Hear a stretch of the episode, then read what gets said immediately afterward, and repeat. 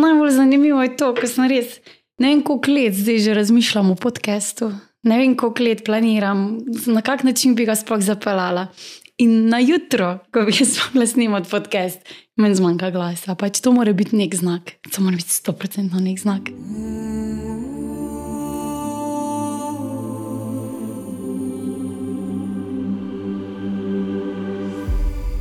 Jaz si tako verjamem, pa zaupam to, da se vsaka stvar zna, ja, z nekim ti, namenom zgodi. Ti še več veš o teh stvarih.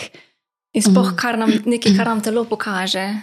Ali je to bolečina, ali je to uh, neka napetost, ali je to tudi poškodba, bolezen, karkoli. Uh, vedno je fajn pogledati v zadje tudi. Pa kaj nam telo želi ja. sporočiti? Pa na kak način ti to pol odkrivaš, na kak način se ti poglabljaš pol v sebe oziroma v sebe, tudi v druge, glede na to, da si terapeutka, verjetno pri drugih tudi prepoznavaš vzorce, pa iščeš. A jim poveš to, da iščeš vzroke? Jaz si tako delam na način, um, da celostno pristopam k obravnavi človeka, ne da samo pomagam pri neki lokalni bolečini, poškodbi in tako naprej, ampak uh mhm. -huh gledam na način, da kako doseči, pa priti do večjih sprememb v telesu, predvsem pa dolgoročnih. In to je moj cilj. In vedno je fajn, in tudi spodbujam ljudi, da tudi če pridejo neko čisto tako fizično obravnavo, na fizično terapijo, mm -hmm. jih zmeri bolj spodbujam, da pogledajo malo tudi v zadje, da pogledajo malo širše. Tega, kar se jim dogaja. A pa se ti zdi, da ljudje že tako so bolj odprti za take zadeve? Te kdo še tako malo čudno pogleda, ko mu kaj omeniš, oziroma a si tako previdna pri komu? Uh, ne trudim se več biti previdna. Uh, vsakemu, vsaj na nek mali način, probam um, spodbuditi neko razmišljanje zadaj. Mm. Ne, smo še, še vedno ful različni, še vedno ful različno delujemo. Eni so ful globoko že povezani mm. s sabo, imajo že ful veliko zavedanja, kar se tega tiče, in se spremenja. Če pogledam, recimo, leta, leta že delam, v bistvu že 19 let, kar delam z ljudmi. Um, ko pogledam, kako je bilo, ne vem, 10 let nazaj, mm. pa 5 let nazaj, mm. že takrat je bila ful velika razlika ne kak je pa danes, kaj se danes z ljudmi, z strankami pogovarjamo, ko pridejo, kaj smo se pa ja. nekaj časa nazaj. Ja. Ampak sigurno k tebi prihajajo ljudje, ki tudi čutijo tvojo energijo, čutijo, da, da je nekaj drugače. Kaj že rečejo, da čisto vsak učitelj pride v pravem času, oziroma da učenec te najde takrat, ko te rabi. In sigurno ne pride k tebi nekdo, ki ni pripravljen na način terapije, ki jo izvajaš ti. Ja, sigurno, jaz tudi verjamem in zaupam mm. to, da me najdejo tisti ljudje, ki me potrebujejo. Ampak spomnim se, ful mi je bilo dobro, ker pač vem, jaz zdaj hodim k tebi že nekaj časa pred um, porodom, um, med nosečnostjo sem hodila, zdaj bi bil že čas, da spet mal pridem se pogledati. Ampak, veš, kaj mi je bilo zanimivo takrat pri tebi, ko recimo, jaz sem prišla čist brez pričakovanj. Tudi zdaj, ko me kdo vpraša, kaj točno je bolnova terapija, se težko povem, kako bi ti mogoče tek na najbolj na, navaden, preprost način povedala, kaj je bolnova terapija. Za vse tiste, ki v bistvu jaz res težko razložim ljudem, kaj, kaj se zgodi. Verjamem, ker tudi jaz težko razložim, kaj se zgodi. Mislim, jaz vem, kaj se zgodi. Uh, ampak bolnova terapija kot taka, kot take, je tudi sama ne promoviram več toliko. Uh, pro, na način prodajam, ker v bistvu uh, to, kar res počnem, je velik, več od tega. Recimo.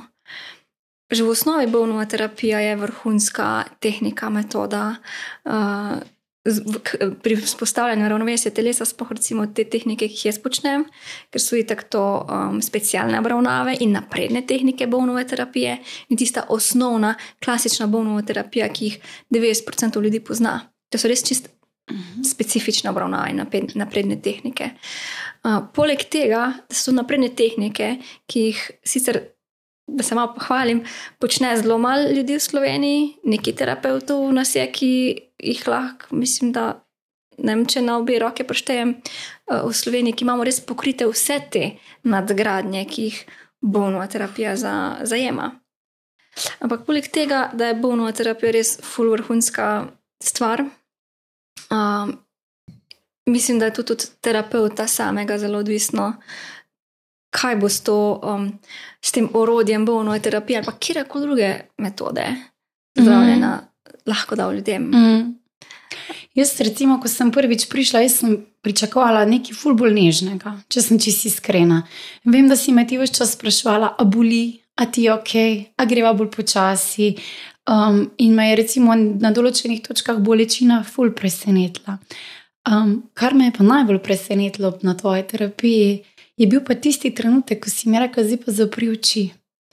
In jaz se z duhovnostjo ukvarjam že ful časa, ful delam na sebi, ampak priznam pa, da nikoli nisem bila človek, ki bi videla barve. Nikoli mi niso te ne aure, ne med meditacijo, pač tega jaz ne vidim, sem bolj dovzetna za druge stvari.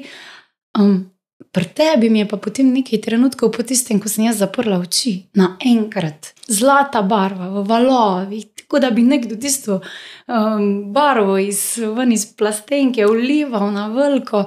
In jaz najprej sploh nisem vedela, bi jaz to tebi povedala na koncu, kaj se mi dogaja. Um, pa sem se odločila, da pošeram s tabo. In si se ti takrat začela spet samo smejati, vedela si, kaj se mi je zgodilo. Kaj je bilo tisto? Kaj se kaj se je dogajalo? Zdaj, najprej se mogoče še malo nazaj navežem. Bolno terapija je, mislim, da še vedno edina komplementarna metoda, uh, ki je v Sloveniji v zdravstvu priznana. Tako da je to že full velik napredek na slovenskih tleh, da imamo alternativne oblike zdravljenja, ki so v zdravstvu priznane. Torej, oprosti, ko te zmotim. Ja. To pomeni, da lahko bonovo terapijo dobiš tudi na napotnici. Izvajajo jih že v zdraviliščih in raznih ustanovah. Po zadnjih informacijah, sicer ne vem, kako je zdaj po novem, mm -hmm. na napotnice še vedno ne gre, so še vedno samo plačniške, Aha. ampak se pa že izvajajo v zdraviliščih in drugih mm -hmm. uh, ustanovah, ker ni pa priznana kot neka uh, fizioterapevtska metoda uh, na tak način, da bi, jo, da bi šla na napotnico. Mm -hmm. Tako da mislim, da je še vedno samo plačniško. Lahko da se motim, treba preveriti, mm -hmm. ampak. Uh, jih pa že ja, izvajajo. Uh, tako da v bistvu za izvajanje bolne terapije, terapeuti potrebujemo zdravilsko licenco iz Ministrstva za zdravstvo. Uh, tako da je na nek način taka subtilna terapija, ki ne deluje samo na fizičnem nivoju, um, ampak tudi na drugih nivojih, na energijskih nivojih, mhm. -huh. čustvenih nivojih, in je res primerna za uh, obravnavo. Mislim, ni, ni omejitev, So neke kontraindikacije, previdnostni ukrepi, pa take smernice, ampak jaz osebno ne vidim nobenih kontraindikacij. Mhm. Um, ker si rekla, da si pričakovala, da bo terapija malo bolj sicer nežna, ker ja. kot bomo terapijo, tisto osnovno, klasično poznajo ljudje kot nežno tehniko. Ja, kot neko pritiskanje na neke določene točke, ko ti pol sprostijo tako, blokade, tako. bolečine in tako naprej. Tako nežna, preko fascije, v bistvu z manj lak narediš več. Mhm. Je pa res, da ta tehnika, te napredne specialne obravnave, ki jih počnem, so mičke, ne bom rekla bolj grobe, malo bolj konkretni mhm. prijem, mm -hmm. ne malo bolj konkretni. Ja, ne bom pa rekla, da sem ja. pa bolj močna.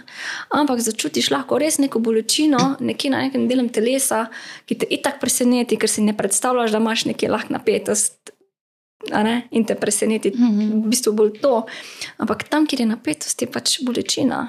Mm -hmm. Se tudi zadnje obdobje, tudi sama trudim, še vseeno biti še bolj nežna, kot sem lahko da še vseeno nisem preagresivna, pa pregroba, ker čas, čeprav včasih je pač treba neka aktivacija v telesu, pa mišici narediti, mm. da pride do nekih mm. sprememb, ampak še vseeno se pravim, vedno znova spomnim, da manj je več.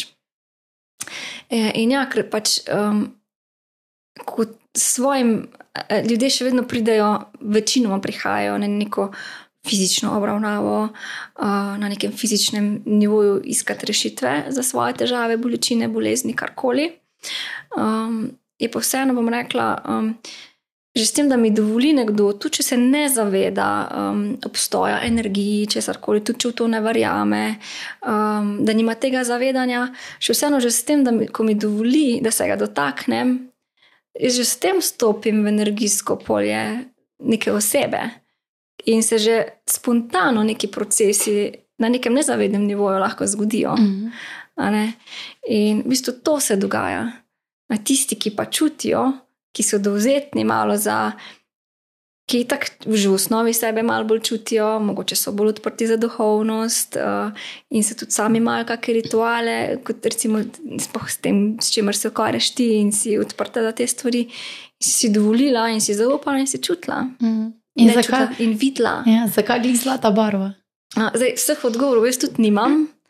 Um, mogoče mi tudi. Mm, ki si pač jaz mislim, uh, ne rabi tudi ne moj um vsega vedeti, kar se dogaja. Jaz pač zaupam, da je tako vse, kar je, vse, kar pride v najvišje dobro osebe, ki je tam in tudi moje najvišje dobro. Uh, da je pač to, kar delam, se mi tako uh, zaupam, da sem vodena. Um, zlata barva, ne vem, verjetno um, to je bila moja interpretacija, ker zlato barvo močno čutim jaz in to tudi moja osebna najljubša barva, uh, lahko rečem, barva moje duše. Tako da čisto možno, da si zaznala, prepoznala mojo barvo. Um, ne vem, si že raziskala, kje je tvoja tista um, barva. Ne, jaz nisem, se pravi, ker nisem se nikoli toliko v barve spuščala, mm -hmm. ker se pravi, nikoli jih nisem toliko zaznavala. Takrat pri tebi in zadnjič. To je ena stvar. Druga stvar pa zlata barva. Je tudi barva, um, to je svetloba barva zdravljenja, zdravilna barva, mm -hmm. lahko rečem, barva pretoka. Uh, in ker so se ti pač dogajali procesi zdravljenja, mm -hmm. um, si verjetno tudi um, zato dobila tako lepe barve. Možno. Da možnosti je vedno ja, več, ja. ne bom zdaj, ne bi se točno um, specificirala, kaj je bilo, ker niti sama, mm -hmm. še, še vedno sama raziskujem te stvari in, in prepoznavam vedno znova kaj noga. Ja, verjamem. Povej mi, zakaj um, se ti zdi, da, oziroma kaj so tiste stvari, po katere ljudje zdaj najbolj hodijo? Kaj, kaj si upražaš, recimo, um, pri terapijah, če se je največ? Uh, kot misliš, kot, uh, kot problemov. problemov. Ja. Fulje različnih. Je različnih. Težko se omejim, da bi rekla, tega je več ali pa unga več. S tako različnimi težavami, ko ljudje hodijo, nekoga zagrabi v križu, nekdo ima migrene, nekdo je izčrpan, en pripelje do jenčka, ker ima mhm. krčke, res toliko različnih in ljudi, in profilov, in težav. Opažam pa, da je pa večinoma skupni imenovalec vseh isti. No. To pa lahko rečem. Je, ker tudi sama pri svojih ja. terapijah ja. opazam, opažam pa v svojih svetovanjih. Pa sem lahko čisto iskrena, običajno ljudje iščejo sebe in iščejo neke potrditve. In Pri, vem, na jurvedska svetovanja prihajajo recimo iz čist nekih fizičnih razlogov, mogoče bolj um, kronične narave, ne vem, od debelosti, um, holesterol, karkoli takega. Uh, ne ne zdaj to toliko bolečine v križu, ker to ponavadi grejo res do terapeutov kot citi. Ampak potem, ko se pa začnemo poglabljati v probleme in izkot to izvira, um, se mi pa zdi, da je dan, dan danes človek res išče neko potrditev iščejo, kdo so v resnici, in se mi zdi, da neko to zavedanje, iskanje samega sebe, to je zdaj vse posod okoli nas. Tega je res ogromno. Ja. Vsak se, fulz ljudi se je začelo ukvarjati z meditacijo, z nekimi določenimi tehnikami, da prehajajo globje vase, kar fulz ne vesela tega, res, ker se mi zdi, da je naš svet res potreben takih stvari. Um, ne vem, ali mogoče ti iste stvari opažaš. Ja, absolutno. Se mi zdi, da se je tako kolektivno dogajajo, ful premiki celotnemu prebivalstvu, celotnemu človeštvu, in sem tudi ful vesela, da se zmeri več ljudi uh, obrača po take nasvete, um, ker recimo duhovnost kot taka, zdaj, kaj za, za koga duhovnost pomeni, je spet čisto uh, specifična in subjektivna stvar, ampak uh, kakorkoli je postala duhovnost zelo uh, moderna. Mm. Ne, jaz bom rekla, malo že skoraj overrated, ali pa celo je izgubila že nek ti svoj pravi pomen, čeprav končni fazi nima veze. Pomembno se mi zdi, da ljudje delajo na tem, da raziskujejo v tej smeri, kot pa v kjer mm -hmm. drugo um, smer, ki škoduje mm -hmm. človeku. Pa se ti zdi, da, morajo, da so kakšna merila, kdo je zdaj dober terapeut, ali je preprosto to, kogar začutiš? A se ti zdi, da odtehtajo licence in papiri, ki jih imaš zadaj, ali je možnost, da določena znanja pre, prineseš s sabo in si pač rojen terapeut? Pol dobro si vprašala. Um, jaz ne vem, če obstajajo dobri ali pa slabi terapeuti. tudi nekdo v končni fazi. Uh, me včasih mogoče to malo jezlo ali paritiralo pred leti. In tudi nekdo, ko naredi vikend tečaj masaže in zdaj masira, in mm -hmm. zdaj ljudje hodijo tja, in zdaj ne vem, kaj še vse. Zakaj ne? Obstajajo ljudje, ki takega človeka potrebujejo na takem nivoju. In obstajajo ljudje, ki potrebujejo, pa iščejo kaj več. Mm -hmm. In vedno bo našel vsak nekoga sebi primernega, nekdo, mm. nekoga, ki mu energijsko paše, energijsko sede. Dva, ne dva, pač lahko sto ljudi počne isto stvar, pa ena bo počela isto, mm. nikakor ne. No, jaz to večkrat um, na jogi spojim, ko imam ženske, pač joga učiteljic nas je več. In to je čar vsega, ker nekomu pa še moja energija, nekomu bo nekoga drugega, zvrsti joge je več. Mhm. Um, se mi zdi, da res moraš slediti svojemu srcu in počutiti, kako se počutiš ob neko določeno osebo. Um, sem pa nedolgo nazaj slišala eno dobro misel, je ena um, povedala, da če ti nekaj delaš s srcem, z zavestjo in z res vso ljubeznijo, da daš v to, bo klientela zate. Našli se bodo ljudje, ki so tvoji, ki bodo sledili tebi. Um, samo ti moš biti res temu predan in seveda obvladati svojo stroko in boš imel ljudi. Ker vem, da ti si se nekaj časa odločala, preden si šla na lastno podjetniško pot. In si rabila nek um, tisti zagon, uh, nek strah je bil prisoten takrat, ko si ti preklopila na čisto samostojno. Ne? Ja, vse, vse sem se strinjala, kar si povedala. Uh, sem se hotela še malo nanašati na nazaj, ampak se zdaj sem malo čez zgubljenit. Uh, ampak ni, nima veze. Uh, ja, kot si sama videla, tudi v juga svetu. Vsak ima, vsak ima svoj specifičen način, uh, energijo. In ja, če delaš iz ljubezni, si tako vedno podprt. In te bojo našli ljudje, ki to iščejo, pa potrebujejo. Pa tudi nekdo, ki ni ozaveščen, recimo, ki ni povezan s sabo, pa kljub temu te stvari počne, tudi za takega se ljudje najdejo, ker so ljudje na teh nivojih, ki to potrebujejo. Zato še vedno mislim, da ni slabega, pa dobrega učitelja ali pa terapeuta. Mm -hmm. Tako da vedno bo o, vsak našel in dobil ja. tiste, kar potrebuje. Ampak imaš kakšno stranko, ki je pri tebi, recimo, že dlje časa? Da jo, da, da jo recimo res spremljaš, mogoče že par let, pa ne mogoče redno, ampak da je res prvič bila pri tebi že full časa nazaj, pa da si mogoče videla zdaj napred, ker meni je nekaj najlepšega, ko pride recimo stranka, tako si ti rekla, recimo meni jogika, pride po, izključno na rekreacijo, yoga kot rekreacija. In lej, dobrodošla. Po postane z mano par let in pa jo vidim čez par let, koliko je ona razširila obzorja koliko je joga, recimo, dala. Pa. Jaz, recimo, ne, jim ne držim predavanja med jogo, mi samo izvajamo jogo, na koncu imamo meditacijo in vidim, kaj se dogaja z njimi. Dejansko razširijo obzore in vedno več jih je, vedno večja srca imajo. Vedno bolj so odprte za te stvari. Pa kako napredujejo? Neverjetno. Neverjetno. Uh, ja, um, mislim, absolutno vidim napredke, ker tako se razvijam jaz osebno, hkrati se tudi vsi ljudje in rastejo in se razvijajo. Um, ko si prej omenila ne, samostojno pot in osamosvojitev in tako naprej, ker v bistvu um, začela sem pred približno 19 leti uh, in tako v domačem podjetju. Dolgoletno družinsko tradicijo, preko 30, že skoraj 40 let, po moje, kar je začela babi, uh, mislim, celotna družina je tako v zdravstvu. In um, lahko rečem, da v bistvu, sem fulh hvaležna, da sem bila vzgajana in uh, živela v tem okolju, ki mi je bilo, da mi je bilo to dano, se zelo hitro začeti učiti, že kar takoj v srednji šoli, uh, da sem se učila, opazovala pri delu, da sem imela priložnost no, tega učenja. Uh, ker tudi, recimo, babi, um, ona je delala na zelo, zelo energijskih nivojih, s mhm. kristali in tako naprej. Tako da mi je v bistvu že bilo nekdaj to pokazano, prikazano. Uh, potem kitajska tradicionalna medicina, potem pa to moja bolno in te stvari.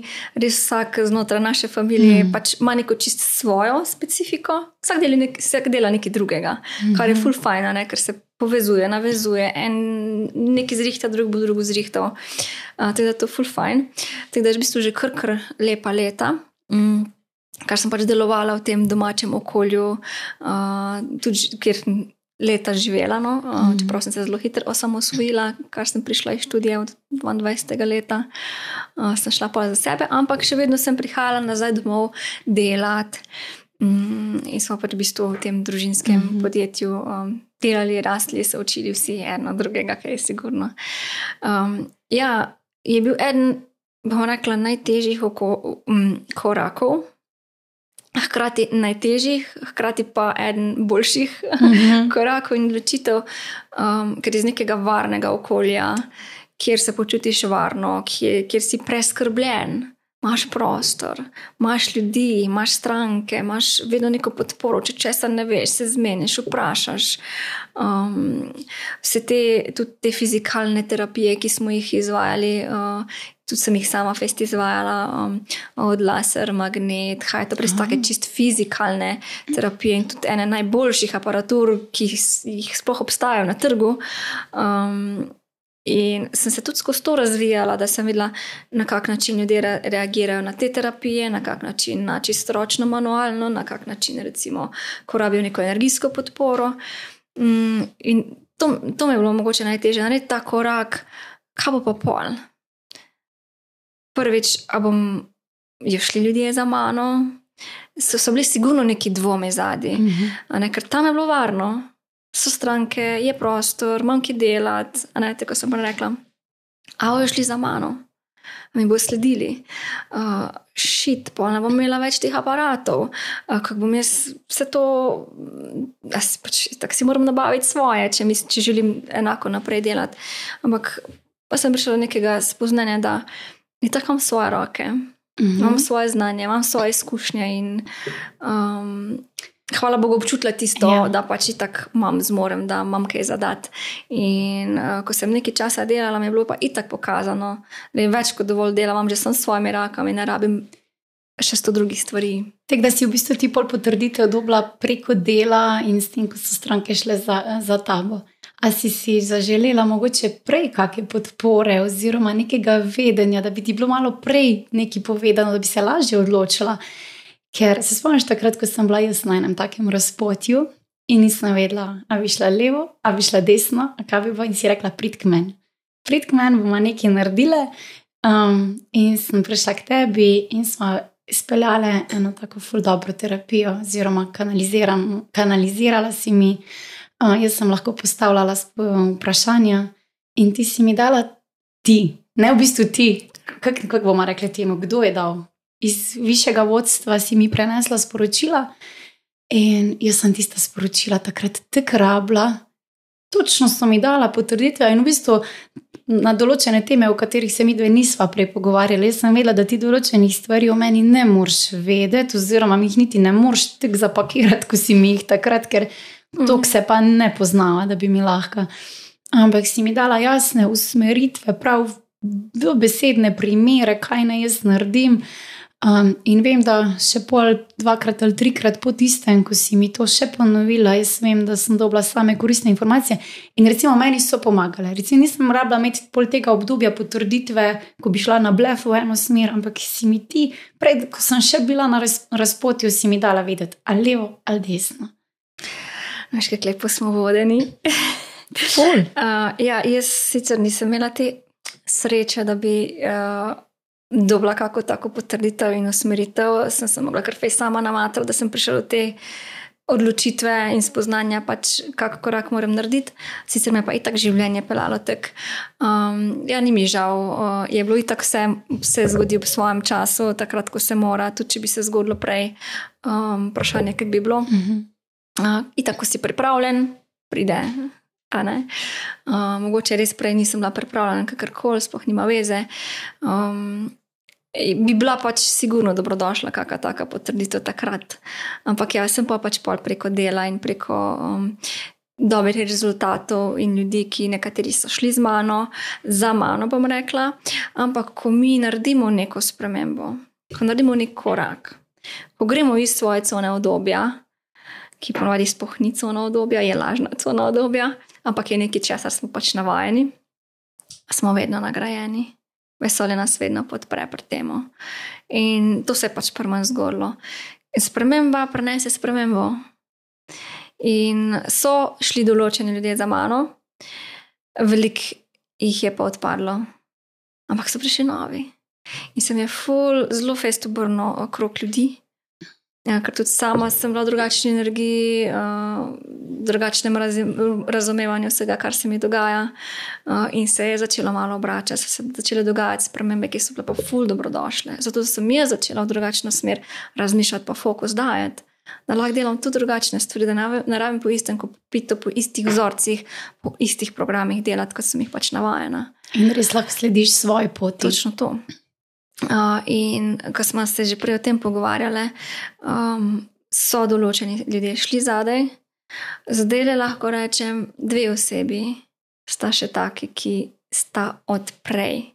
To pomeni, ki sta z mano že leta deset ali več let, so ljudje bili po 15 let, ki so hodili redno, celo tedensko, sem da fulh hvaležna za take stvari. In sem pa tudi hvaležna, da so taki ljudje tudi odšli, zaradi tega, ker je prišel prostor za nove ljudi, za nove izkušnje, za razvijanje nekaj noga. Um, jaz ne vem sicer, kako imaš ti pogled na to, ampak jaz so vsaki svoji stranki, ki pride na svetovanje, jurvedsko rečem. Um, manj kot imam tukaj, boljš je za mene. Ja. Ker v bistvu učim, da pač se začnejo poslušati, prepoznavajo, naučim jih, kako delati s sabo, da jim popotnico za življenje. In um, tudi takrat na faksu so nas učili na, v tej smeri. Pač delaj tako, da boš stranko pacijenta videl čim manjkrat. No, to, to je bistvo. In to tudi je zadnja leta še bolj poglobljeno. Um, Zavedanje um, ozaveščam, no, mm -hmm. se ne izrazim.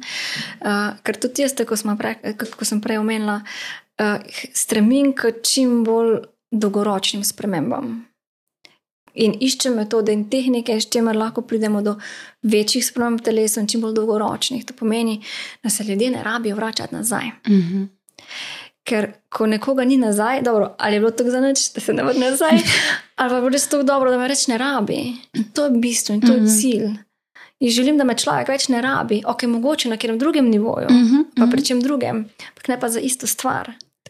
In um, zelo hitro se zgodi, da ljudje, terapeuti, a pač kakorkoli, um, ljudje, ljudi zadržujejo pri sebi na način, uh, da prodajo svoje storitve, da jih mora pač oseba čim večkrat obiskati, uh, ali pa jih celo mogoče se bo odločilo, da je odvisne od um, nekih storitev, mm -hmm. ker to pač eh, kolektivno, že reklame, ko jih gledamo po televiziji, mm -hmm. to da počnejo. Ja. Ne, celotni trg, eh, mislim, s tem ne zdaj pač, a ne samo ja, nekih ja. terapeutov. Ja, ja. In jaz si tega sigurno ne želim. Ja. Ne, sej, če ene osebe več ne bo, hvala Bogu, jaz vem, da sem naredila dobro bo pa ta oseba povedala nekomu drugemu, bo prišli novi. Skozi smo biti flow, skozi smo biti nek um, pretok. Mm -hmm. Tako da, absolutno. Um, dobro, jaz se mi zdelo, da bomo na isti, na isti razmišljanju, kar se tako, tega tiče. Tako. Zdaj pa glede eh, tiste ja. stvari, ki ste še prej omenila. Um, Kanaliziranje. Ja, glej, sem te hotla še enkrat, mislim, če si slučajno pozabila. Ja, kako pogosto zdaj to vključuješ v svoj vsakdan? V bistvu je to neka stvar, ki jo še vedno sama raziskujem. Okay. Um, ker je to res čist neka taka duhovna, um, čist specifična stvar. Mogoče ne začnem s tem, da v bistvu jaz že kot mala deklica, že kot otrok v otroštvu, sem vedela in čutila, da obstaja nekaj več. Da nismo samo fizično telo in da nismo sami. Um, ker so se mi dogajale zelo zanimive stvari, um, nadnaravne in tako naprej. Ja, si imam kar koli hočeš. Tisti, ki me osebno poznajo, moje najbližji, tak, večina moj, mojih zgodb živijo in poznajo, in jim pač ni nič čudnega. Um, čeprav sem pred leti pred desetimi, enajstimi, desetimi leti približno o tem tudi javno spregovorila, ker sem napisala pesem Ring Around the Rosy. Mm, tako je vse moje stvari, vključujem v glasbo. Aha. Uh, in itak ni samo ena stvar, itak sem vedno počela več stvari hkrati. Ampak, da se vrnemo nazaj. Mm, sem to tudi javno izpostavila, tako da mogoče malo več ljudi ve, um, pozna mojo zgodbo. No. Uh, čeprav tudi takrat sem bila mečken, mogoče malo. Mm, Ali obsojena, ali mogoče negirana, kakorkoli odziv ljudi je bil. Pff, deset let nazaj se še o tem ni pogovarjalo na tak način. Deset let nazaj je bila to še, še vedno je. Ampak, če se vrnemo deset let nazaj, je bila še full tabu tema. Ampak si ti izvedela, kaj se ti dogaja, ali si bila tudi v bistvu v nevednosti, zakaj ti neke stvari veš, zakaj jih sprej, prejemaš. Ne, ne, jaz tega nisem vedela. Kot otrok v otroštvu, v mladosti, večinoma in največ se mi je dogajalo v otroštvu, pa mi itak noben ni znal povedati. Niti v bistvu jaz, niti nisem veliko govorila o tem, ker me itak sem vedela, da me ne bo noben razumel in mi itak niso verjeli. Če pa sem karkoli rekla, pa je, so, je bila neka taka um, čist um, razlaga, ki je usmerjala pozornost drugam. Uh, glavnem, vedela sem, da ne Mhm. razumejo, kaj se mi dogaja, in sem pa pač večino te stvari zadržala pri sebi. Mhm. Mm. Potem, kasneje, skozi leta, skozi najstništvo, um, sem začela to malo bolj raziskovati, ker me je začelo zanimati, kaj se mi dogaja. Pa še vedno nisem prišla do pravih odgovorov, še vedno je bil zadnji neki strah. Strah pa zato, ker če stvari ne po, poznaš, ne veš, kaj se dogaja, zadnji strah. Ker ne veš, strah, um, se ne vem, strah pred čem. Strašljivo je. Te paranormalne stvari, ki jih ljudje pripovedujejo, ali pa bog ne da v filmih in grozljivkah kažejo, Mhm. um, v bistvu so vzrok za to, da nas je ljudi strah.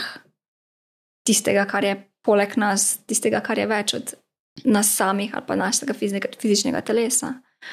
Um, zdaj sem v bistvu prišla do um, nekih odgovorov šele kasneje, v malo bolj zrelih letih, ko sem pač srečala pravo osebo, ki mi je to povedala, razložila, kaj približno se dogaja, mm -hmm. na kak način, da potem počasi strah začel popuščati.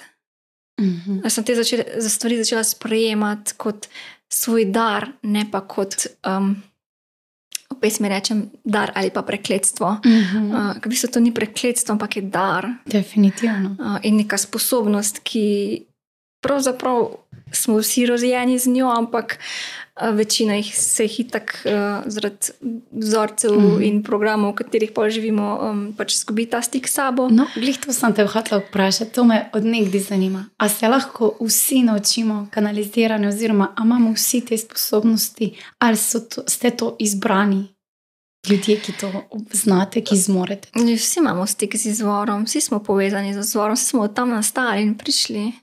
Tako da načeloma te sposobnosti imamo vsi, nekateri so, smo pač malo bolj odprti, da nam je to tako naravno dano, Mm. da ne rabimo se več veliko potruditi za to, da nekaj dobimo. Je pa res, da način življenja je tisti, Aha. od katerega je odvisno, koliko boš- koliko si za te stvari odprt. Način življenja, nivo zavedanja, na katerem si, ne, ker pač z vzorci, ki jih skozi življenje in blokade, ki si jih skozi življenje pridobimo, si pač zapremo te um, sposobnosti, te podnarekovaj kanale, Mhm. uh, ki so pri vsakem posamezniku različni, nekateri malo bolj čutijo. Lahko rečemo, da imajo dar jasnočutnosti. Eni so jasnovidni, ker vidijo in dobijo slike, dobijo filme, a nekateri so jasnovedni, enostavno pač veš, imaš ta zavedanje, enostavno ga imaš. Mhm. Ne, več različnih teh uh, mislim, darov ali kakorkoli, Ja. ali pa kanalov, če se temu raz, izrazima. Je, a ne. in načeloma um, je to nam, nam dano vsem, ampak um, v času, kjer živimo in načinu življenja, ki ga imamo, tej kolektivni zavesti, kjer smo, je to ful težko, Mhm. ker nas v bistvu kolektivno Odvrača. odvračajo od tega. a Ne, ta sistem, v katerem živimo, nas odvrača od Mhm. tega. Da nismo v stiku s sabo, da nismo v stiku s svojim izvorom, kakorkoli svojo Mhm, dušo, srcem. Na kak način ti dejansko poskrbiš za sebe, da ostaješ v stiku? Česa se poslužuješ, kje so tvoje prakse, oziroma so to, verjetno se tiče tudi prehrane, na, na splošno načina življenja kot takega. Ja, jaz sem rekla pač celostno način življenja. Mhm. Uh, moj najljubši hobi, poleg vseh milijonov ostalih, ki jih imam, uh, je pač raziskovanje sebe, življenja. In to se mi zdi najboljši hobi, ever, ki bi mogel ga imeti vsak. Uh, ker sem na tak način, v bistvu, lahko pridemo do sebe, uh, da se poglabljamo, da se vedno znova obrnemo v sebe. Tako nas vsi učijo, pač, da moramo uh, si postaviti zrcalo, da moramo v sebe pogledati, kar se nam dogaja, ne glede na to. Večina nas pa daje fokus ven izven sebe, pa un je tak, pa un mi je to naredil, pa vsi drugi so krivi, sem ti ne. Mhm. Mhm. Um, Tega je res ogromno. Ja, in način življenja je že od nekdaj, že od malega sem povezana z, zelo močno povezana z naravo in z živalmi, in mi že to fulvalko da. Uh, že od nekdaj čutim, recimo, z živali, pa s, predvsem s konji, fulvalko povezavo, in sem že od v bistvu svojega devetega leta uh, bila v stiku z njimi. in- Zanimivo, ker konji prav veljajo tudi za terapevtske živali. Ja, se vsaka žival je pravzaprav lahko terapevtska. Mm. -hmm. Kon pač si drži tako še neko tako dodatno posebno mm. -hmm. moč, eh, posebno energijo, eleganco in tako naprej. Meni so konji življenje res fulvolko dali in so bili res moji eni največjih terapeutov, uh, poleg psa ne. in pa narava. Poluživam v naravi. Se mi zdi, da recimo, ko grem na sprehod uh, v naravo, v gost, pa gremo v hribe, kakorkoli Mhm. da me tam me to ful napolni in na nek način pod narekovaji rečeno resetira. Mhm. Um, tudi to so tako moje čim bolj redne prakse. Mislim, prakse. Dobro. Uh, neki rituali, ali pa če nekdo vpraša za duhovno prakso, vse duhovna praksa, duhovnost je lahko karkoli od tega. Nek ritual, ki ti pač vrne, nek ritual, ki te vrne v stik s sabo nazaj Mhm. nekaj, kar te pomirja, nekaj, kar te relaksira, nekaj, kar ti daje in ti nudi užitek, če mu ti uživaš. Ne, se to v bistvu lahko marsikaj in vsak pri sebi pač najde tisto, kar je najbolj blizu. He, nekdo ima to meditacijo in se meditaciji uspe povezati s sabo ali kakorkoli. Nekateri pravijo, da ja, meditacija je samo beg, instant varianta in bla bla bla. Ja, na nek način se meditacija ne bo rešila nekih težav Mhm. daleč od tega. Ampak če nekomu meditacija pomaga, da se tisti trenutek, ko je v neki situaciji lahko umiri, lažje zadiha, usmeri misli, pa fokus nazaj v sebe, hvala Bogu. Mhm. Ti A meditiraš. Tudi, uh, ne ravno glih vsak dan, čeprav Mhm. bi lahko, ampak kot kadar začutim, no, um, tudi, tudi sigurno meditiram. No. Um, Je pa razlika med meditacijo in kanaliziranjem. Ja, absolutna je razlika. Že recimo meditacija. In tako poznamo zelo veliko vrst meditacije, Mhm. mm -hmm. sicer nisem nek strokovnjak na tem področju, uh, ker nisem tega toliko v tej smeri raziskovala, ampak kadar res recimo poslušam meditacijo, sigurno poslušam kanalizirano meditacijo, ker je veliko bolj močna, uh, veliko več ti da, recimo, kot pa samo neka um, random meditacija, mm. -hmm. ki jo pač nekdo posnel. Čeprav se tudi sprašujem, mm, se v bistvu vsaka meditacija, ki jo nekdo da, pa prenese, Je, je ne, lahko od nekod dobi, razen če je pač naučena, prepisana, skopirana, kakorkoli. No. Mhm. No, je to pač čisto nekaj drugega. Um, Zanimivo. Kako pogosto pa greš v kanal, oziroma se povežeš z vodstvom? um, Delaš to na dnevnem nivoju, ali spet tako začutiš, oziroma ko dobiš kakšno vprašanje? Dej, tako sem rekla, še vedno sama to raziskujem. Um, jaz pa čutim ta kanal, kakorkoli, kot nek moj dar, ki ga že tako nosim. Od, Mhm. kot tako sem prej omenila, že od otroštva vem neke stvari, se mi dogajajo stvari, um, imam močno, močno intuicijo, uh, ki včasih pač tudi ne znam upoštevati, uh, se um, priznam. Uh, ker Vse se vsi učimo, Ana. Itak, a ne, ker včasih pač uh, ne zaupaš, pa si misliš, ah, to moj um si zdaj namislil, mm -hmm. pa to sem zdaj nekaj pobrala. Ne, si moramo malo bolj zaupati uh, Ja. naši intuiciji. Da v bistvu to na nek način, na nek način skozi dobivam. Uh, in zdaj, recimo, zadnje čase, itak se ne rabim neki sploh preveč povezati, ker tak, kar takoj dobim, že samo od sebe. Ampak ja, je ful pomembno, v kakšnem stanju sem jaz. Če sem raztreščena, če sem v stresu, če sem s fokusom na sto stvarih eh, naenkrat, uh, sigurno ne bom tako pretočna. In je res pomembno, da sem tudi sama najbolj pretočna s tem, da skrbim. Uh, za svoje telo, tudi tako fizično, uh mhm. -huh. od prehrane do gibanja, do um, tega, v kakšni energiji sem to pomeni, ali sem zanemirjena, ali sem pomirjena, um, ali sem v ego, ali sem v ljubezni. Mislim, res je pove, po, povezano s tem, no? kako pač naša pretočnost. Mm -hmm. In ni tako stremim k temu, da sem čim bolj pretočna, kot pač se da. Um, ni pa tudi nič narobe s tem, da smo kdaj mal. Si dovolimo, da se vse. Seveda. Tako, Logično. Poje, a čisto vse lahko vprašaš više vodstvo. Ni vprašanja, ki ga ne smeš zastaviti. Uh, Če te nekaj zanima, kaj je lahko čisto na banalnem nivoju, ali so kakšne omejitve? No, nisem ti še niti odgovorila naprej, da se na prejšnja vprašanja. Um, na, ker raziskujem še vedno sama to, uh, se najbolj poslužujem tega za sebe. Uh mhm. -huh. Da, ko imam neko vprašanje, pa njem odgovora, grem to raziskati. Uh, ne, ker v bistvu eno je sicer naše osebno duhovno vodstvo, ki ga imamo, ki ga ima čisto vsak, pa se tega zaveda ali pa ne, smo vodeni, smo varovani, kakorkoli. Uh, tudi če se tega ne zavedamo. Um, Eno so pa, to so pač vse, vse to so višji nivoji zavesti, ali kako bi temu rekli. No. Neko, nekdo bo temu rekel Bog, uh, vesolje, mm -hmm. vsak bo to pomenoval pač na svoj način. Um, jaz pač rečem iz višjega, nekaj iz višjega, pač da je to naše duhovno vodstvo. In uh, eno je, da se lahko povežem pač z duhovnim vodstvom, tudi osebnim duhovnim vodstvom, posamezne osebe, ali mojim, ali tvojim, kakorkoli, in sprašujemo naše osebne stvari, ki se tičejo nas. Eno so pa stvari, ki so univerzalne. To pomeni um, o obstoju, o človeštvu, o mislim, omejitev ni pravzaprav. In ko me zanima, ne vem, naprimer, um, kako lahko ljudje regeneriramo svoje organe, pa je res možno, da, se, da ima vsak organ sposobnost regeneracije, grem tako stvar raziskati.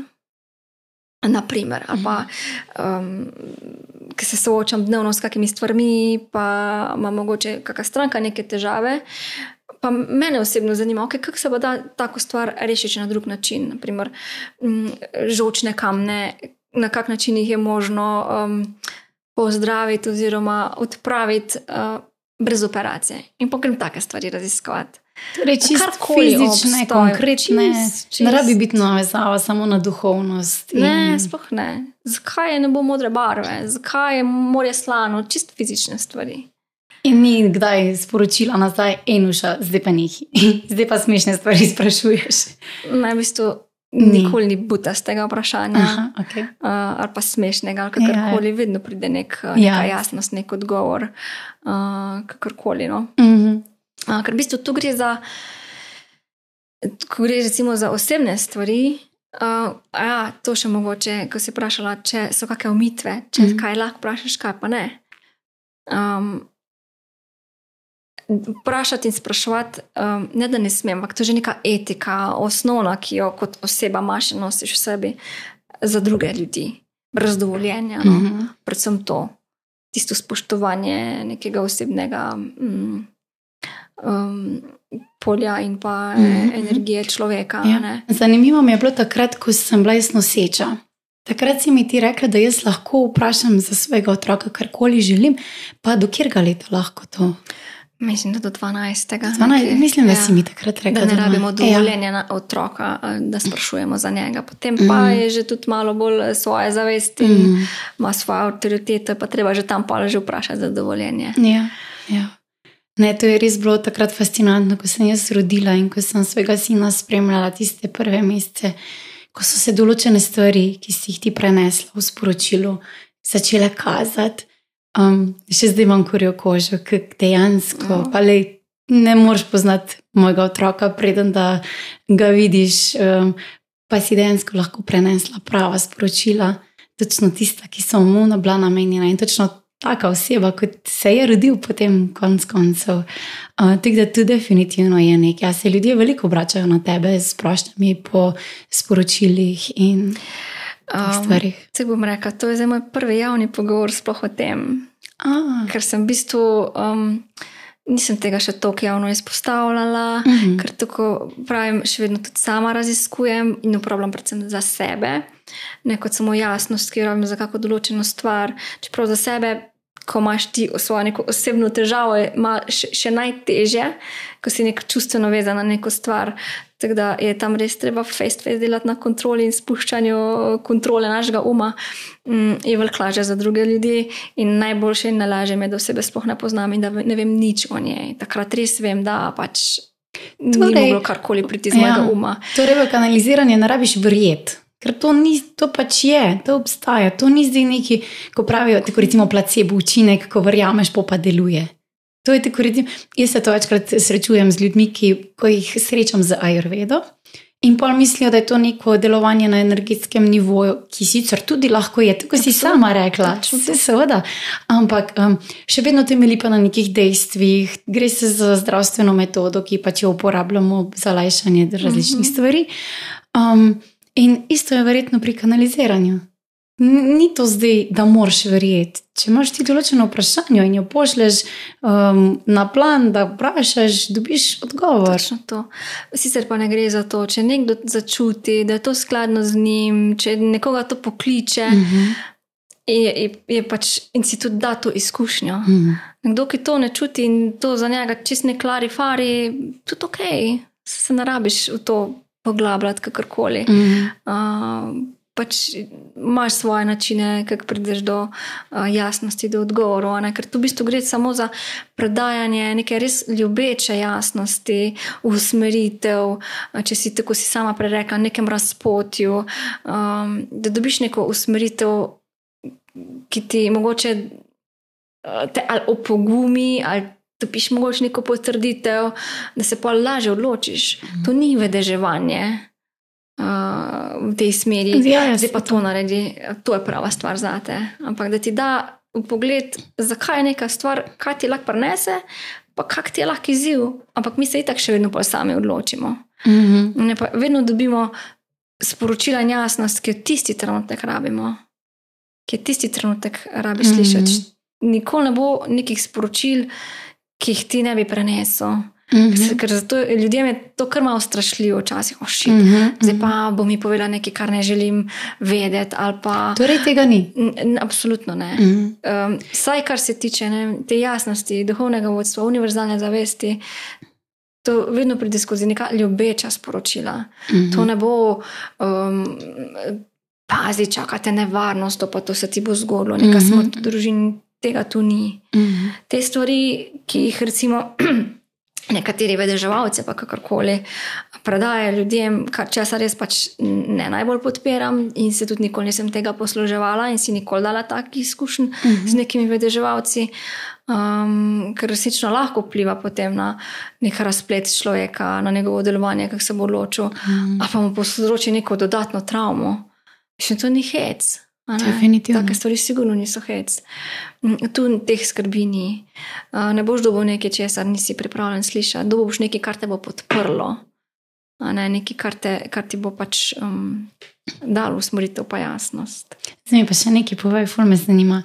Kaj je tisti ritual, ki tebe najbolj podpre?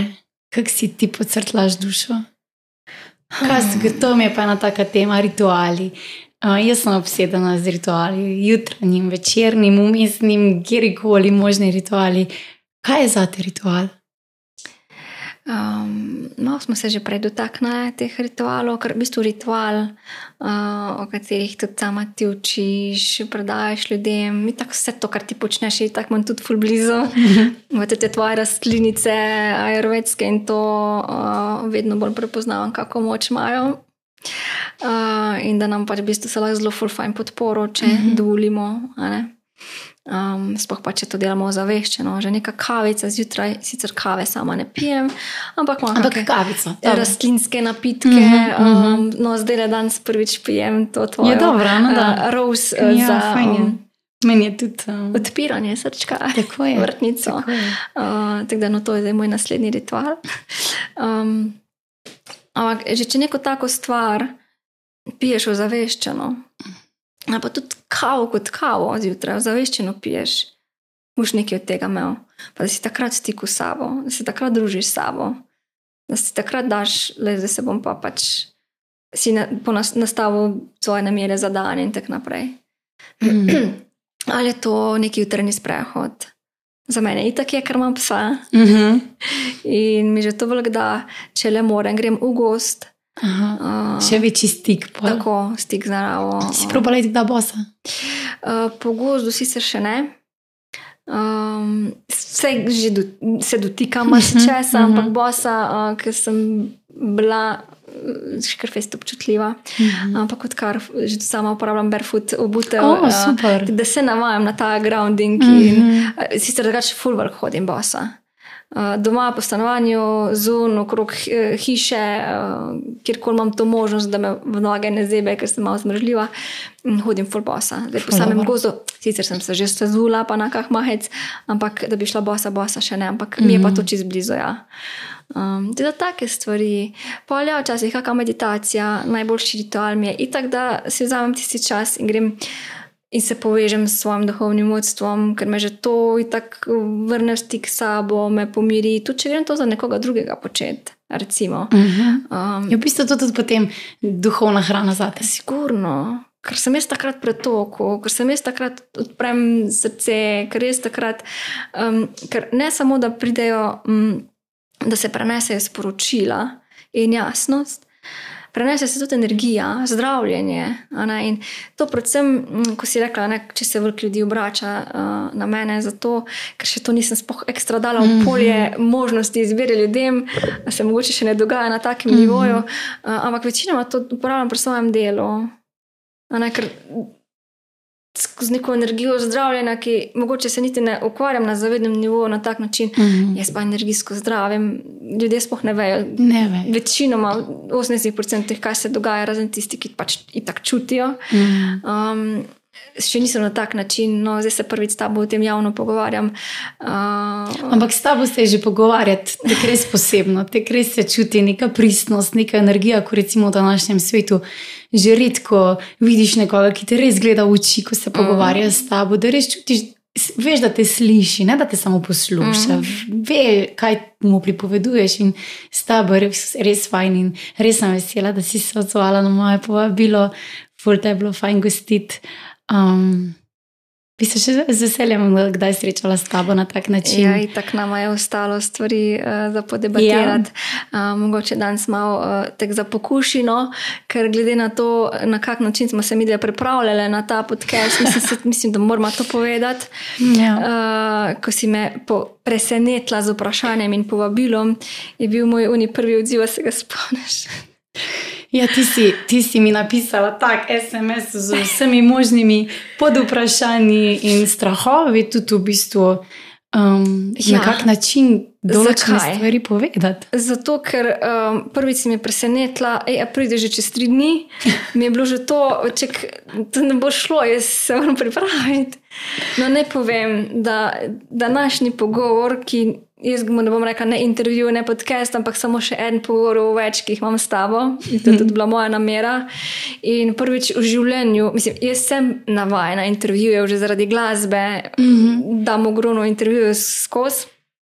Ampak ponovadi se vedno nekaj pripravim, vedno nekaj ali predstavljam, ali kako novo pesem, karkoli in vem, kaj bom povedala. Mm -hmm. Imam pripravljeno na nek način. In tokrat je bilo, no, ne- če se moram to pripraviti, to so druge stvari, ki jih uh, mogoče ne govorim vsak dan. To je bila prva stvar. Uh, druga stvar, pol, ko se mi pa še mogoče še dala pod vprašanje, če sem pripravljena se pogovarjati tudi malo o ne vsakdanjih stvarih, Uh -huh. je bila pa še dodatna blokada. Šit. Kako bom jaz to, mislim, a so ljudje pripravljeni. Um, ker tist, tisti, ki me poznajo osebno, vejo, da sem jaz ena najbolj zakompliciranih Pa nisi na svetu. Mislim, delam na tem, da to spuščam, absolutno. Ja, si Oseba, vedno, ki si vedno želi- boljša. Vedno boljša.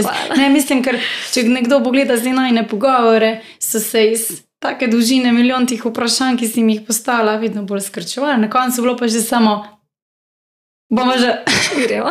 gremo. No, ampak to je bilo, koliko, pa ne, še niti 14 dni nazaj, kar si me ti povabila. Ne, ne, mogoče Um, res ne.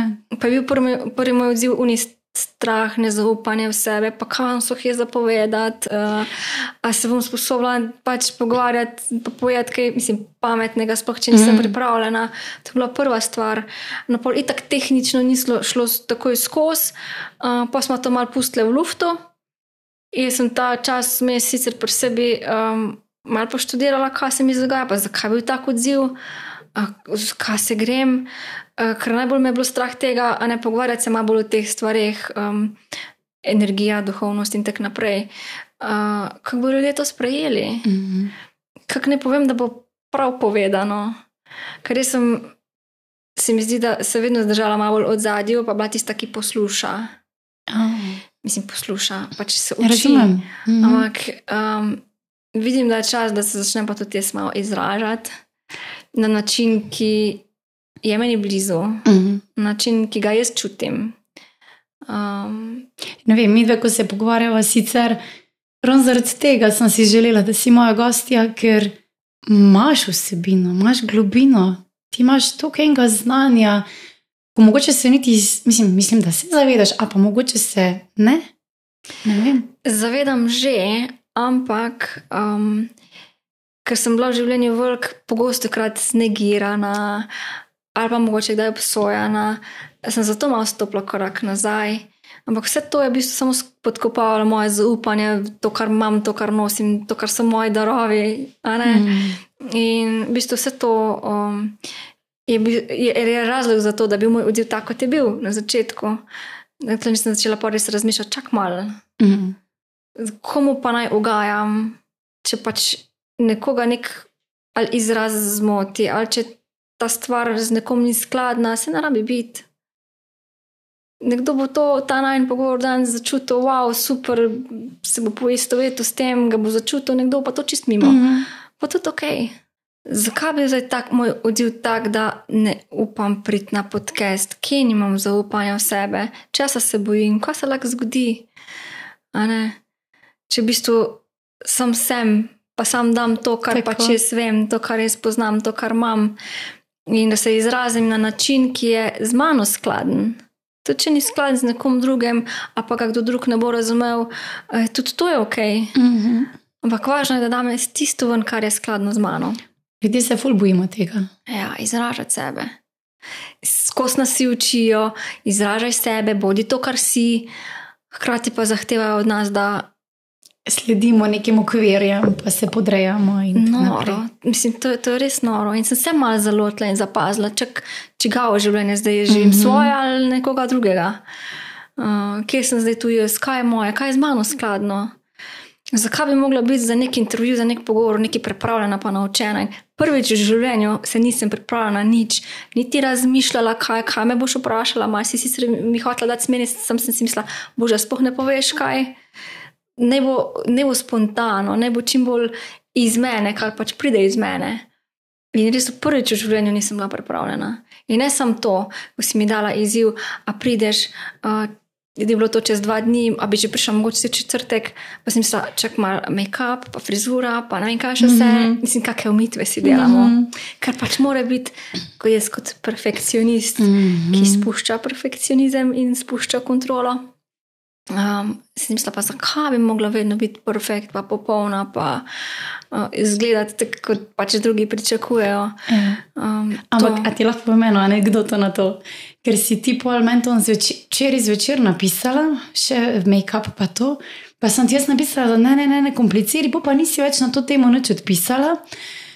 In jaz se zjutraj zbudim brez glasu in si mislila, ošit.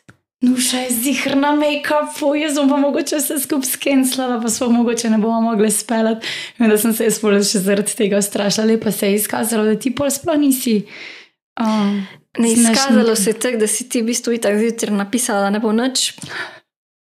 Sem si mislila, ok, je že prav tako, je že z nekim namenom, čeprav sem si mislila, ok, Barbara, zakaj zdaj jaz sem imela težavo mm. priti, pa se izraziti, pa bi ga pa bi v končni fazi manj moglo zmanjkati mm. glasa ali pa pač nekaj v tem smislu, ampak ga v bistvu tebi. Ja.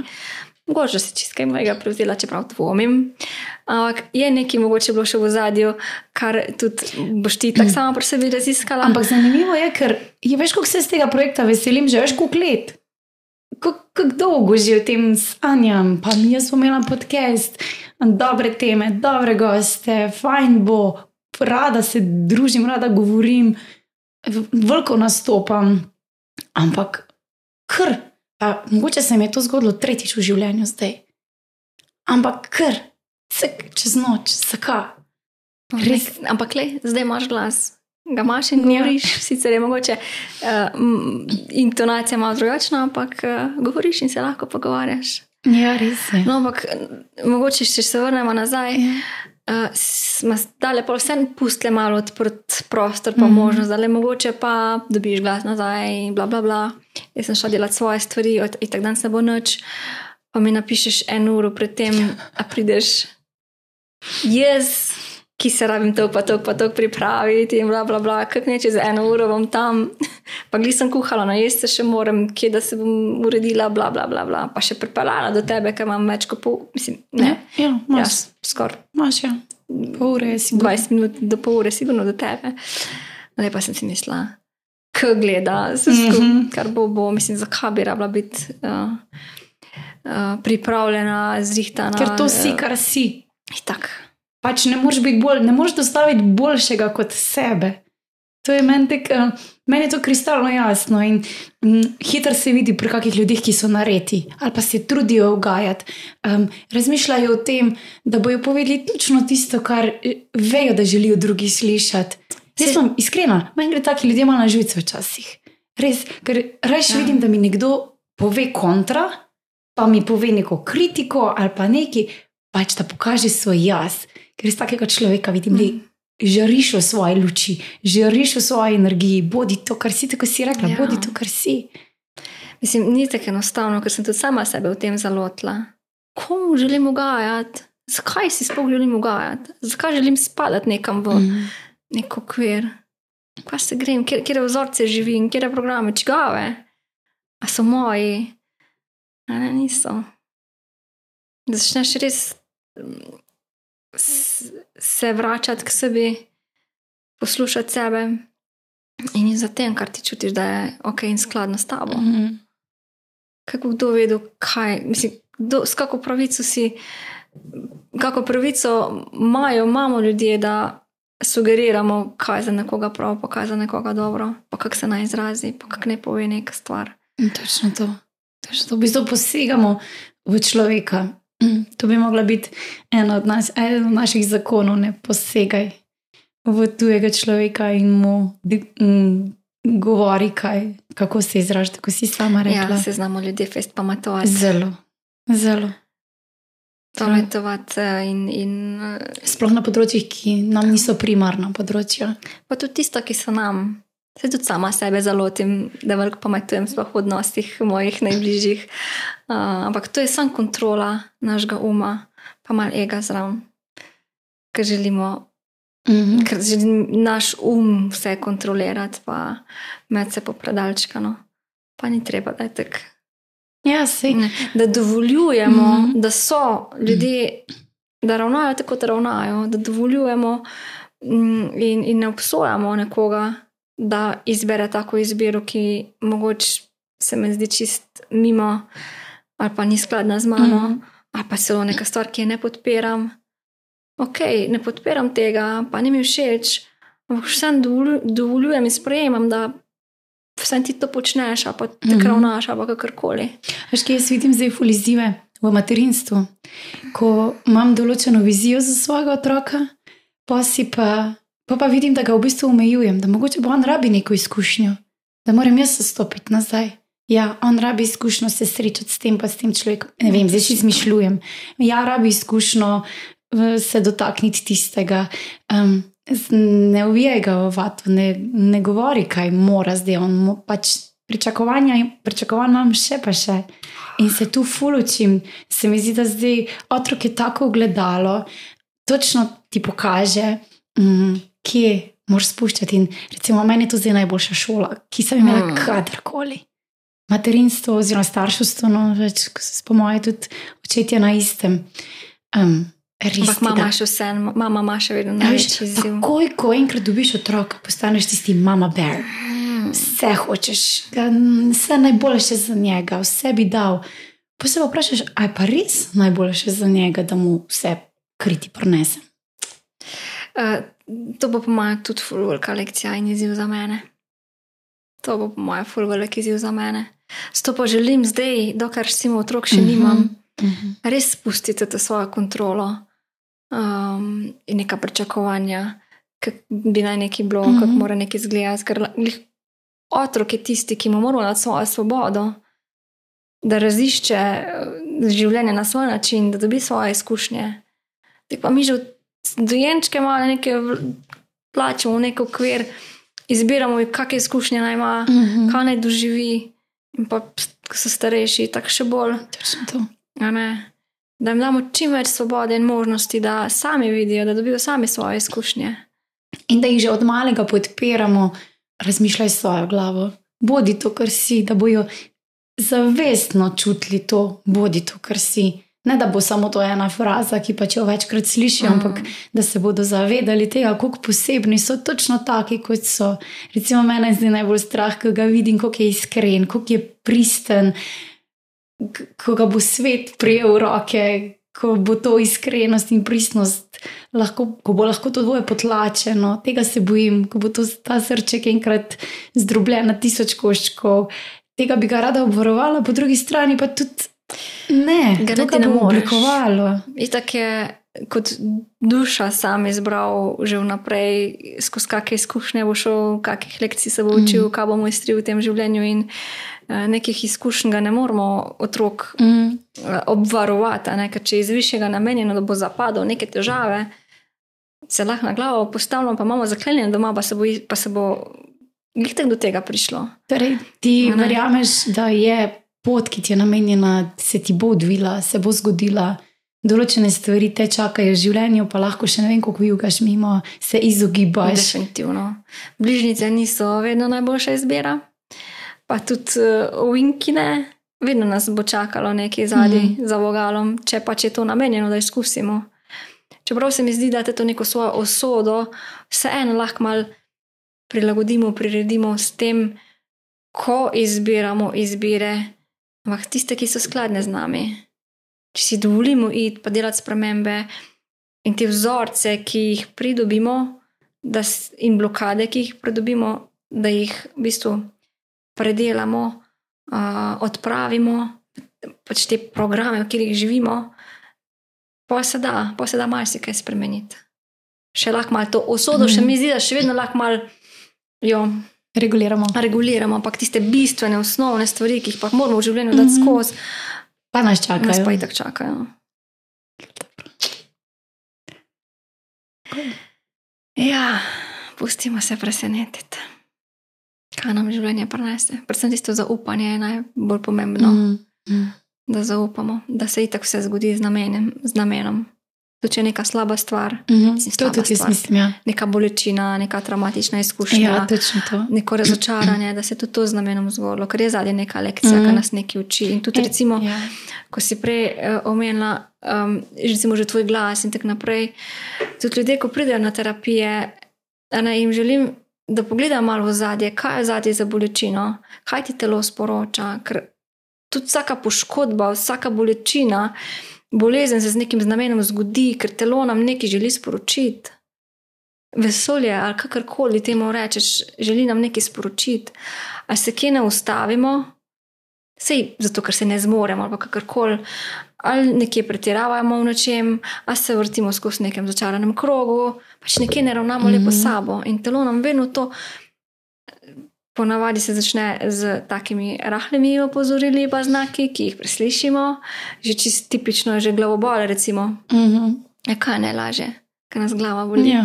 To, kar je vse povedno najlažje, protibolečinska tableta in Vzamemo. stvar je rešena. Tako, vzameš glavobol in gremo dalje. Mm.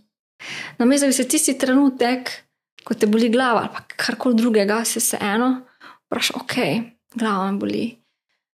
Kaj se mi dogaja, kam me telo želi sporočiti, a kje pretiravam, a se mogoče kje ne ustavim, kje ne ravnam lepo sabo, kaj se mi je v zadnjem parih urah ali pa dnevu ali pa prejšnji dan dogajalo, Mm. ne, da, bi, da bi ozavestili to, kaj je v zadju. Vse ti lahko še paš, se sam zameš tisti leka dol, ampak ko si ga oza- ozaveščen, bo čist nekaj drugega, kot pa če se s tem ne ukvarjaš, zameš pa greš naprej, ker pa nisi Mhm. naredil noč. Hitro boš prišel na isto situacijo, Ja, življenje te bo hotlo še enkrat. Ponavlja pa se Ja, vrtimo ja, v ja. istih krogah, pa se ljudje ponavljajo iste, ljudem ponavljajo iste uh, težave in bolečine. Pa, pa ga zagrabi v križu, pa ga en cajt boli, pa se pa malo umiri, pa čez par mesecev se bo spet ponovilo, pa spet malo boš, pa se spet ponovilo, pa bo ena stvar se poštimala, pa se bo druga pojavila. Sam se Enem veš, delo krogu. na sebi, pa poglabljanje vase je vedno teže kot pa protibolečinska tableta. In jaz to ful izpostavljam tudi na aerovetskih svetovanjih. Točno. Nimam čarobnega praška za tebe. Ne bom mogla iz danes na jutro, zato ker tudi vzrok ni nastal, nastal iz danes na jutro. Um, in ko si prej rekla, boš malo raziskala, boš malo pomislila, zakaj je glas. pa To, s- po, po eni strani vem.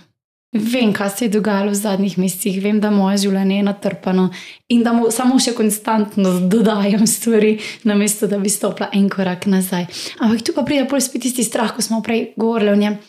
Um, pa ne morem zdaj tega pustiti, ker mi bo vse skupaj propadlo, toliko let sem delala za neke stvari, a zdaj bom pa kar pustila, pa si vzela počitek, kaj bojo pa stranke rekle, ti strahovi. Ja. Sebe postaviti na prvo mesto. To, kar skozi učimo, terapeuti In druge. tako učimo druge. In, Ja. in predvsem to bi mogoče izpostavila, ker sploh v zadnjih časih, a ne, um, kaj jaz učim druge, kaj govorim ljudem.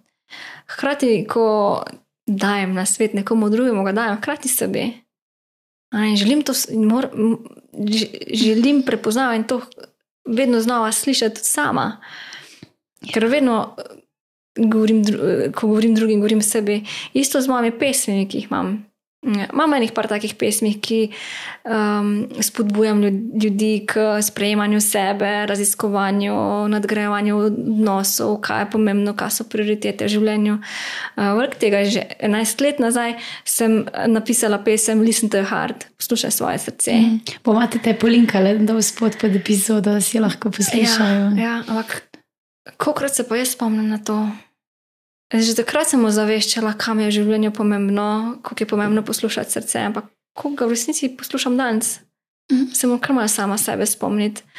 Pa večkrat je čez moje pesmi, kaj, kaj sporočam ljudem. V bistvu si vse veš, Ja, vse veš. Ampak ja, eno je vedeti, eno je neka teorija, ki jo Mhm. lahko ali preberemo v knjigah, ali jo poslušamo, ali ne vem, nas nekdo to nauči.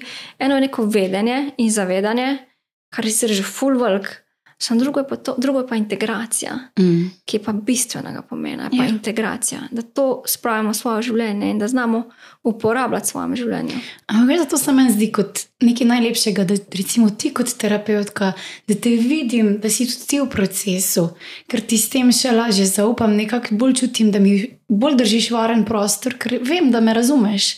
In jaz recimo večkrat se tudi na jogi probam. Um, Čist prepustiti in spustiti med ženske in jim povedati, da iste smo vsi.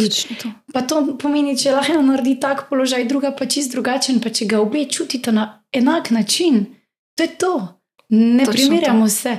In um, jaz, se, jaz sem vedno rada ena izmed njih in jim večkrat tudi to povem.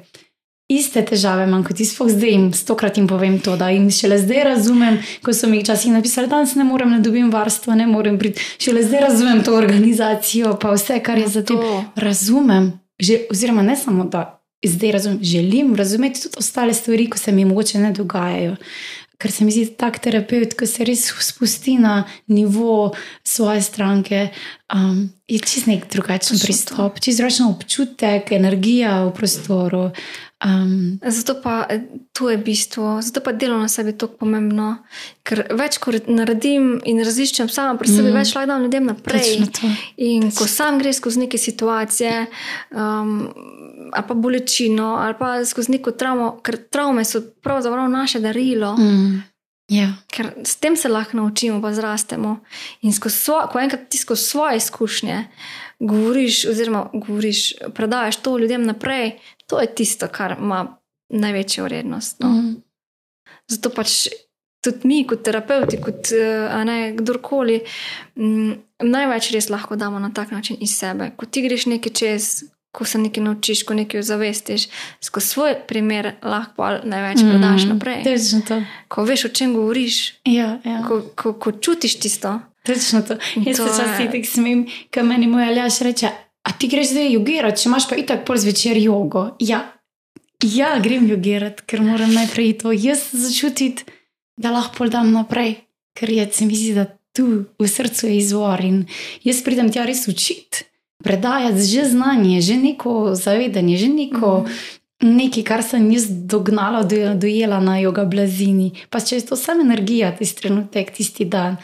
Um, in um, ja, je treba delati na sebi, zagotovo, sploh v taki službi, kot je terapevtska služba, oziroma je bolj poslanstvo. Se mi zdi, da več kot. Ja, jaz ga definitivno Ja. čutim kot svoje ja. poslanstvo. No, šal, krasna si, res sem vesela, da si prišla in ful se veselim, da tole še ponovimo kdaj in da raziščemo še tiste tematike, tako si rekla, ko se jih dan še sploh nismo dotaknili. Z Hvala ti. Hvala tebi.